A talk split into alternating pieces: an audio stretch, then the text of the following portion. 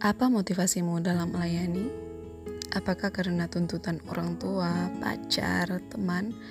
Apakah motivasimu dalam melayani supaya terlihat keren dan banyak penggemar atau apakah motivasimu dalam melayani karena uang?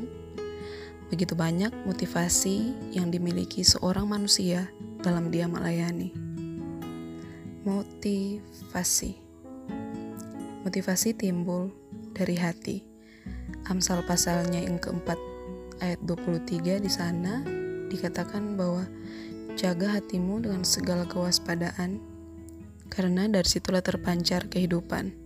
Ketika kita mampu untuk menjaga hati, berarti kita mampu untuk menjaga motivasi. Kalau terlanjur salah, sering-sering datang kepada Tuhan dan minta untuk Tuhan ubahkan. Kamu yang tadinya memiliki motivasi yang salah dalam melayani, bisa diubahkan Tuhan menjadi seorang yang rindu melayani. Karena kamu ingin memajukan pekerjaan Tuhan di gereja di mana kamu melayani.